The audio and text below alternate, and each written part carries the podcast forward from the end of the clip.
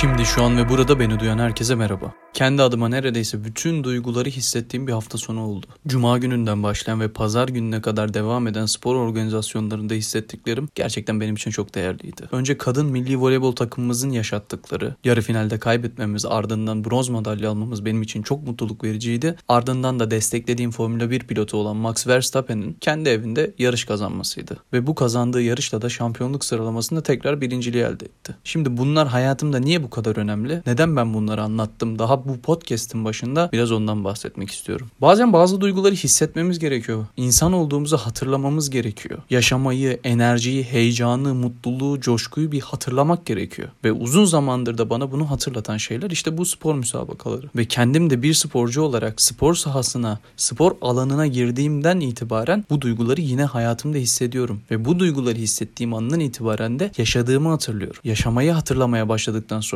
da işte o zaman hayallerime, istediklerime ilerlemem benim için daha kolay oluyor. Tam olarak insanlık hali bu işte. Hayatın içerisinde heyecan da var, mutluluk da var, coşku da var. Bunu dengeleyen tarafta ise üzüntü, acı, keder, hüzün bunların hepsi de var. Girişten de anlayacağınız üzere bugün yine akışta kendi hayatımda yaşadıklarımdan, son günlerde konuştuklarımdan ve gördüklerimden yola çıkarak anlattığım, konuştuğumuz bir bölüm olacak. Hayatın içerisinde bütün bu olayları yaşarken birileriyle, bir yerlerle, bazı olaylarla ilişkiler kuruyoruz. Voleybol takımı maçında milli duygularımız kabarırken aynı zamanda kadınların bunu yapmasına farklı anlamlar yüklüyoruz. Formula 1 yarışında Red Bull'u desteklerken aynı zamanda da belki 7 kez üst üste dünya şampiyonu olan Lewis Hamilton'ın bu kadar zorlanması bize farklı bir heyecan veriyor. Günlük hayatımızda da böyle farklı insanlarla farklı ilişkiler kurarken farklı şeyleri hissediyoruz. Hatta bu ilişkileri kurmaya başlamadan önce de farklı isteklerle, farklı arzularla ve ne yazık ki beklentilerle bu sürecin içerisine giriyoruz.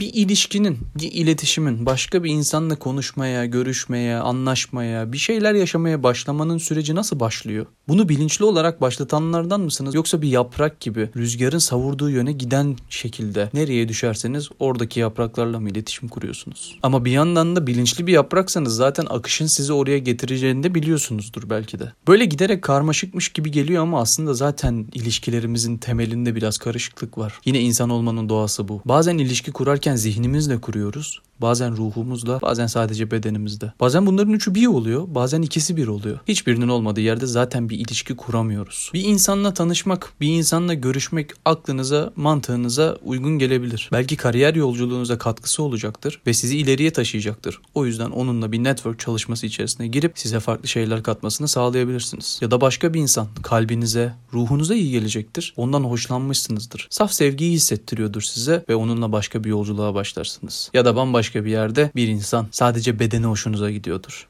ve onunla sadece bedensel bir ilişki içerisinde bulunursunuz. Ama en güzel tarafı da ne biliyor musunuz? Bunların üçünün olduğu yer. Üçünün aynı anda, aynı yerde, aynı insanda buluşması. Hem zihninize, hem ruhunuza, hem bedeninize uyan bir insanın olması. Son bir haftadır yaptığım bütün sohbetlerde o kadar çok ilişki konuştum ki yani bugün bu bölümün yapılması, bugün bu bölümün konusunun da ilişki olması tesadüf değildi.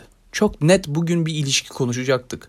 Çünkü Son bir haftadır yaşadığım her şey ilişkiler üzerineydi. Hatta daha bu sabah yine ilişkiler üzerine bir konuşma yaptım. E haliyle bu kadar çok etrafımda ilişki kelimesi geçince o zaman bugün bu konuyu konuşmamız gerekiyor dedi. Aslında farklı bir taraftan da konuşan sadece benim ama eminim ki bunu dinleyenler kendi kafalarında bana cevaplar verip hatta kendi hayatlarındaki ilişkileri de tekrardan düşünüp yorumlayarak farklı sonuçlar elbette çıkartacaklardır. E bu da bir iletişim oluyor sonuçta. Farklı bir açıdan da şöyle bir durumun içerisindeyiz. Bu hayata gelmeden önceden beri beridir belirlediğimiz bir ilişki süreci var. Bunlara aile de diyebilirsiniz, akrabalar da diyebilirsiniz. Yani aranızda kan bağının olduğu söylenilen insanlar onlarla aranızdaki iletişim sürecinde aklınızı, ruhunuzu, bedeninizi yönetmekse bambaşka bir şey oluyor. Makro felsefik açıdan baktığımız zaman belki özellikle o insanların çocuğu olmayı ya da o insanların akrabaları olmayı seçmiş olabiliriz. Ama belki de birçoğumuzun yakındığı konu olarak kaçımız bundan memnunuz? Bilinçli olarak seçtiğimiz ilişkiler içerisinde arkadaşlarımızda, dostlarımızda, sevgililerimizde, iş arkadaşlarımızda bile bu kadar sorunlar yaşarken haliyle aile ve akraba ilişkilerinde de garip garip garip şeyler oluyor olabilir. Ama yine konuyu çok özelleştirmeden ne aileyi, ne akrabayı, ne sevgiliyi, ne arkadaşı, ne dostu konuşmadan sadece ilişki kurmaktan bahsediyorum ben. Hepimizin sahip olduğu değerler var, düşüncelerimiz var, hislerimiz var, bir bakış açımız var sonuçta. Bunları düşündüğümüzde belki bunların farkında değilsinizdir. Farkında olsanız da memnun da olmayabilirsiniz ama var. Düşünmeye başladığımızı fark ettiğimiz andan itibaren de bunların nasıl değiştiğini net olarak görebiliriz. Yani çocukluğumuzda sahip olduğumuz bakış açısıyla şu anki sahip olduğumuz bakış açısının bile hiçbir alakası yok. Çocukluktan bu yana gelmeyi bırakın 2 sene önceki Ozan'la şu anki Ozan arasında bile o kadar çok fark var ki eminim birçoğunuz bunu zaten kendi hayatınızda da hissediyorsunuzdur. E bunun adı değişim işte. Dönüşmek, olgunlaşmak, büyümek. Bu da yine insanın doğasında olan bir şey. Zaman içerisinde bakış açımız da değişiyor, değerlerimiz de değişiyor, istediklerimiz de değişiyor. Hatta canımızı yakan şeyler bile değişiyor. Aynı şeyler ilişkilerimize de yansıyor. Çocukluğumuzda başlayan ilişki kurma süreçlerimiz zaman içerisinde yine farklı hallere bürünebiliyor. Arkadaş olmak çocuklukta sadece oyun oynama anlamı taşıyabilirken büyüdükçe dertleri paylaşmak, acıları paylaşmak, keyifli sohbetler etmek, Belki yine oyunlar oynamak ama oynadığımız oyunların değişmesi belki de birlikte büyük başarılara imza atmak anlamı taşıyor olabilir. İlk sevgili yaptığınız anı düşünün. Belki ergenlik döneminizdeydi, belki biraz daha geç zamandaydı. Ne hissettiniz? Size ne ifade ediyordu? Şimdi bir de son sevgili olduğunuz anı düşünün. Ya da şu an ilişkiniz varsa şu anki ilişkinize dönün bir bakın. İlk iş yaptığınız anı düşünün. İlk işi aldığınız o an, ilk satışınız ve sonrasında bunun devamında gelen süreci düşünün. Hepsi değişiyor, hepsi dönüşüyor. Hiçbir şekilde bu sabit kalmıyor. Bir yandan da herkesin bu kadar değiştiği, herkesin bu kadar dönüştüğü yerde böyle bir ilişkiyi kurmak insana biraz zor geliyor olabilir. Herkesin değiştiğini bir an gözünüzün önüne getirsenize. Herkes bir anda değişiyor hiçbir an birbirini tutmuyor. Evet gerçekten hiçbir an birbirini tutmuyor. Çünkü hiçbir an birbirinin aynısı değil. Bir önceki an, bir önceki dakika, bir önceki saatle şu anki biz bile aynı değiliz. Bütün bunların olduğu yerde bir insanla, bir yerle, bir şeyle ilişki kurmak biraz ürkütücü geliyor olabilir. Ürkmenin çok bir anlamı yok aslında baktığınız zaman. Çünkü İnsanın doğasında yine bu ilişkileri kurmak var. Bu ilişkiyi kuracağız biz bir şekilde. Birileriyle bir şekilde iletişime geçeceğiz. Tamam yani bu başlayacak bir şekilde ama nasıl ilerleyecek? Nasıl bu süreci sağlıklı yönetebileceğiz? Çok basit bir cevabım var aslında baktığınız zaman. Şimdi şu an ve burada duyduğunuz üzere konuşarak. Hani insan olmanın en büyük özelliklerinden birisi olarak sayılır ya düşünmek, düşünerek karar vermek. Benim bahsettiğim şey de işte bunların sonrasında bunları karşı tarafa aktarabilmekten geçiyor. Herkesin değerleri, herkesin bakış açısı, herkesin düşünceleri olduğu konusunda hemfikiriz. Çünkü hepimiz insanız ve bir şekilde bir şeyleri yaşıyoruz. Doğamız bu. Zihin çalışıyor. Ruh, kalp hissediyor. Beden bir şekilde buna tepki veriyor. Kendini geliştiriyor, ilerletiyor. Sevmediği bir şey olduğu zaman tepki gösteriyor. Heyecanlandığımız zaman karnımız ağrıyor. Bunların hepsi oluyor. Şimdi kendi hayatımızdaki değerleri, bakış açısını, sahip olduğumuz düşünceleri konuştuk. Bunların karşı tarafta da olduğunun farkındayız artık. Bunu da biliyoruz. Burada o zaman karşımıza yeni bir şey çıkıyor. Bambaşka bir şey. Onun adı da değer vermek. Yine yaşadığımız bir olaya, bir insana, bir yere bir anlam yükleyen, onun bize hissettiklerine anlam katan, yani değer veren, değerini biçen yine biziz. X bir şahsını düşünün. Aileden olabilir, arkadaş çevrenizden olabilir, sevgiliniz olabilir ya da eski sevgiliniz olabilir ya da iş yerinizden bir arkadaşınızdır. Ona o değeri veren sizsiniz. Tamam bu değeri yaratan, bu değerin ortaya çıkmasındaki dinamikleri kontrol eden o olabilir ama yine kendi içerinizde ona o değeri veren sizsiniz. Aşık Veysel'in yazdığı satırlar var ya çok güzel bir şekilde anlatmış tam bu noktayı işte. Güzelliğin on par etmez. Bu bendeki aşk olmasa. Eğlenecek yer bulamaz. Gönlümdeki köşk olmasa. Değer verme kavramını da pekiştirdiğimize göre bir sonraki adımımızı atmaya devam edebiliriz. Şimdi karşımızda birisi var, bir şey var, bir olay var, bir yer var ve ona biz bir değer biçiyoruz. Bir anlam yüklüyoruz. Bize bir şey ifade ediyor artık. Peki bundan sonraki süreçte neler olacak? Değer verdiğimiz yer bize eskisi gibi iyi hissettirmiyor. Çocukken büyüdüğünüz yer sizi artık daraltıyor olabilir. Çok heyecanla başladığınız işiniz artık o heyecanı vermiyor olabilir. Ya da sizin çok değer verdiğiniz bir insan size o değeri vermiyor da olabilir. Bu ayrılıklara girmek de mümkün.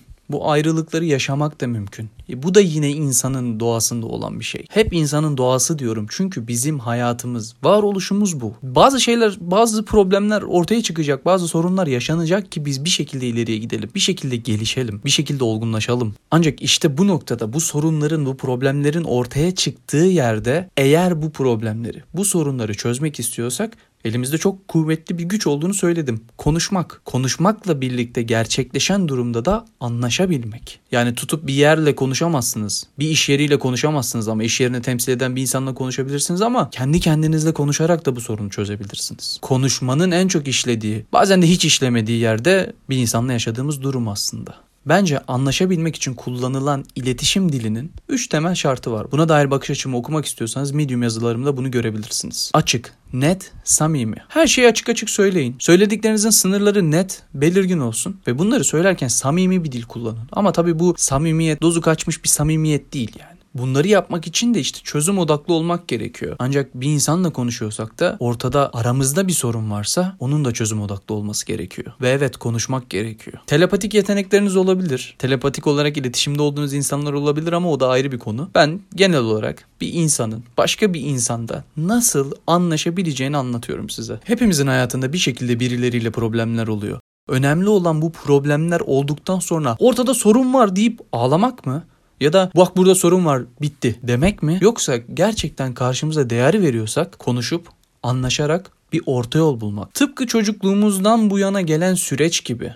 Sahip olduğumuz bakış açısı, değerlerimiz, düşüncelerimiz gibi hepimizin kendi hayatında farklı bir yolculuğu var. Birimiz sağa giderken birimiz sola gidiyor olabilir. Birimiz 45 dereceyle kuzeybatıya giderken Diğerimiz 45 dereceyle güneybatıya gidiyor olabilir. Farklı yönlere giden, farklı yolculuklarda bulunan farklı insanlar olarak hayatlarımızı farklılıklarımızın ortasında buluşturmak istiyorsak bazen fedakarlık yapmamız gerekiyor. Bunu yapmak zorunda değilsiniz elbette. Burada bahsettiğim şey değer verdiğiniz bir insanla aynı yolculuğu paylaşmaktan bahsediyorum. Bulunan orta yola, üretilen çözümlere dair bir taraf yolunu 10 derece kaydırıyorsa diğer taraf da 10 derece kaydırmalı. Elbette burada yine mutlak bir doğru yok. Bazen kalmak zordur, bazen gitmek. Bazen kalmayı çok istersiniz ama gidersiniz. Bazen gitmeyi çok istersiniz ama gitmeye gücünüz yoktur, kalmak zorundasınızdır. Ve evet, yine insanın doğası bu işte. Sorunlara dair, çözümlere dair bir şey yapamıyorsak en güzel şey Tao Te Ching'de anlatılan Wu Wei felsefesi. Yani hiçbir şey yapmama, yapmayış hali, dokunmama, akışı kendi haline bırakma. İlla bir şeyler değişsin, illa bir şeyler olsun, illa bir şeyleri dönüştürelim diye çırpınmak yerine onu kendi haline bırakmak gerekir. Hayatınızda olmasını çok istediğiniz birisi vardır belki de. O hayatınızda olsun diye çırpınmak yerine onu kendi tercihleri, kendi seçimleri konusunda özgür bırakıp gerçekten sizin hayatınızda olmak istiyor mu, istemiyor mu seçimi ona bırakabilirsiniz. Elbette bir iletişim, bir ilişki için emek vermek gerekiyor. Ama geldiğiniz noktada eğer bu konuda vicdanınız rahatsa Wu Wei bize çok güzel şeyler anlatıyor. Senlik bir şey kalmamıştır. Karşı tarafın hamlesini görmek gerekiyor bazen. Ama yine dediğim gibi bunun mutlak bir doğrusu yok. Bunun mutlak bir çözümü yok. Dinamikler o kadar birbirinden farklı ki bulunduğumuz yerler, bulunduğumuz hayatlar, bakış açılarımız, o anki şartlar birbirinden çok farklı. O yüzden bu net olarak doğrudur diyemiyorum. Ama eğer ortada bir sorun varsa, ortada bir sıkıntı varsa kendime hep şu soruyu soruyorum. Çözüm mü istiyorsun, sorun mu çıkartıyorsun? Saf sevgi benim hayatımda en çok inandığım kavramlardan birisidir. En başından beri anlattığım bir yeri, bir şeyi, birisini saf sevgiyle sevebilmek onu olduğu şekilde kabul edebilmek de mümkün. Olanı olduğu şekilde kabul edebilmek ve buna bazen tepki vermek ya da bazen hiç tepki vermemek, tepki vermekle tepki vermemek arasındaki dengeyi öğrenebilmek bu hayat yolculuğu içerisinde öğrendiğim en büyük derslerden birisi oldu. Bulunmak istediğim çok yer oldu. Yaşamak istediğim çok şey oldu. İletişimde olmak istediğim çok insan oldu. Ama bunların olmadığı yerde de bunu kabul etmek gerekiyordu. İstediğim yerlerde olamayışım, istediğim şeylerin hayatımda olmaması, iletişimde olmayı istediğim insanların benimle konuşmak istememesi sadece kabul etmem gereken durumlardan ibaretti. Çünkü Wu Wei bana bunu öğretti. 2500 yıllık bir eser olan Tao Te Ching'de dediği gibi bazen dokunmaman gerekir. Geriye dönüp bütün haftaya baktığımda hep ilişkileri konuştuğumu en başında söyledim. Ve hep ilişkiler üzerinden bazı şeylerin kendi hayatımda ya da etrafımdaki insanların hayatından deneyimler doğrultusunda geldiğini de görmüştüm. Hayatlarımız içerisinde bazen bir şeylere dokunmazken şimdi şu an ve burada ilişkilere dair sizin hayatlarınızda dokunmayı seçtim. Dilerim benim hayatımda farklı şekillerde, farklı zamanlarda, farklı yerlerde ve farklı insanlarda işe yarayan bu yaklaşım sizin de hayatınızda aynı şekilde işe yarar. Hepimiz için bolca anlaştığımız, anlaşabildiğimiz bir hafta olsun.